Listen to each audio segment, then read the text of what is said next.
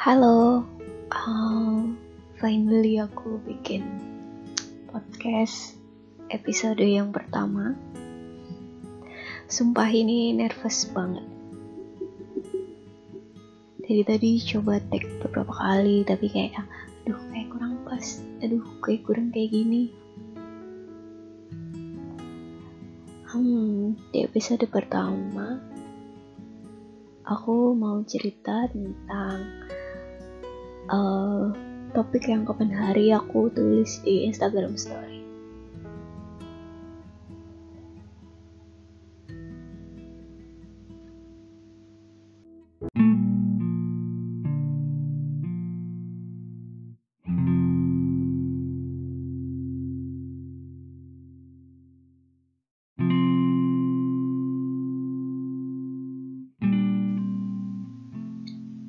So a few weeks ago, I read on this one. When you are not happy with your life, and then why you force yourself to fit with society standard? It, it was like mm, pretend to have full family member, and then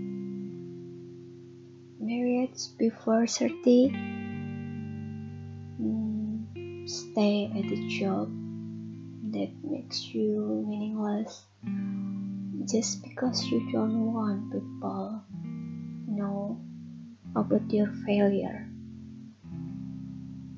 Dan pas aku bikin polling di Instagram beberapa itu milih buat bahas topik ini so I wanna share my opinion about this.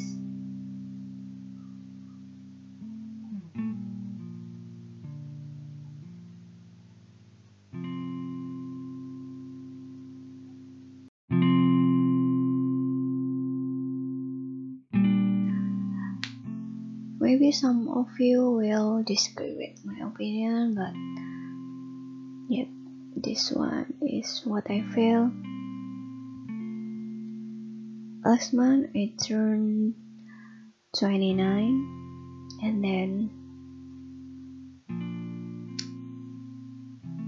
some people around me think I'm a failure because I don't have settled job. I'm not jobless but I don't have settled job like others which is had monthly payroll and something like that. And then I'm single while others married. Um, but you know I feel I'm happy with my life. I'm grateful with what God gave to me until now. So what's the problem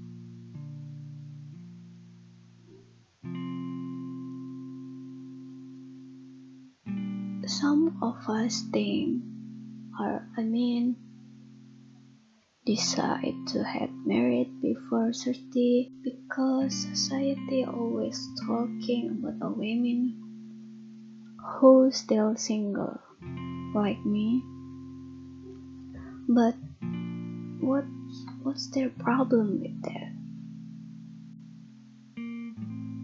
I mean like this when we decide to married, it's not only about me, not only about myself, it means about my future family.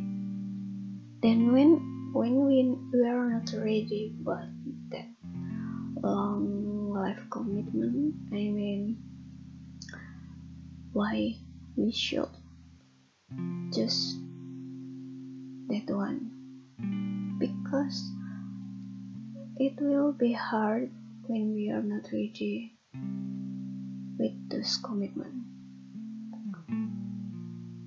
I face many cases like cheating in the marriage or always feel like I don't have good relationship then it happens because we are not ready with this commitment. I know everything will happen sometimes when we are not really know what will happen but in this life we can always just we always have a choice in this life that's why I wanna live with no regret. And so far I you know I really happy with my life.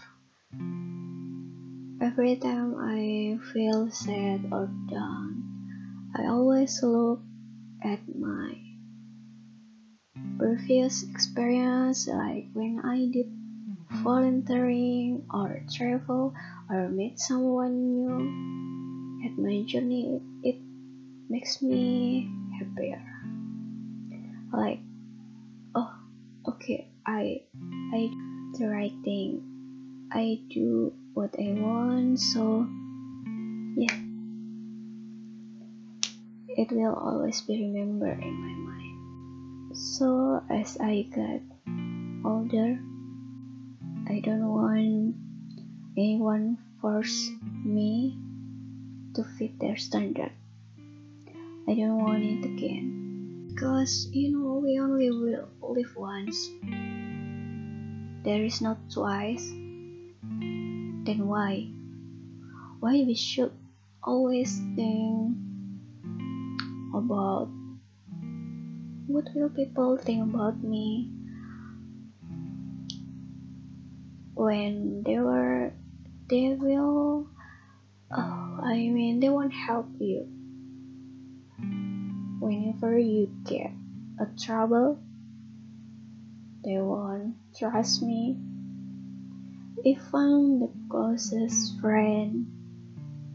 They won't always be at your side.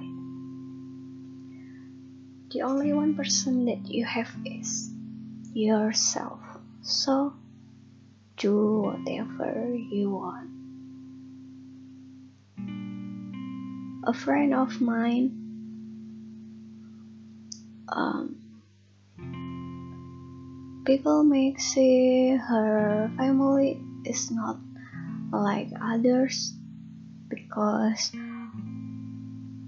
her mother divorced when she was child, but after that, her mother married to a good man. So she doesn't feel the absence of her death role. I know it because I ever met them for several times and then she said she really happy with her new family. Here that I want to underline is mm, being divorced is normal as long as you know this is the real thing that you wanna do. Because when we are not in the same vision with our couple, it will make many trouble later.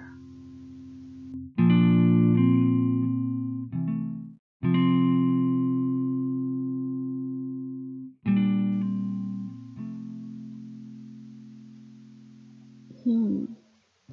If you are curious how I can say like that because I was born in that kind of situation when two people are not ready yet about long-term commitment. It was tough and then hard, so I want others feel the same. The last one, my message is still the same. Do whatever you want.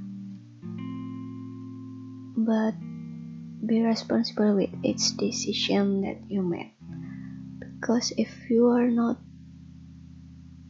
capable with those decision it will cut you into many trouble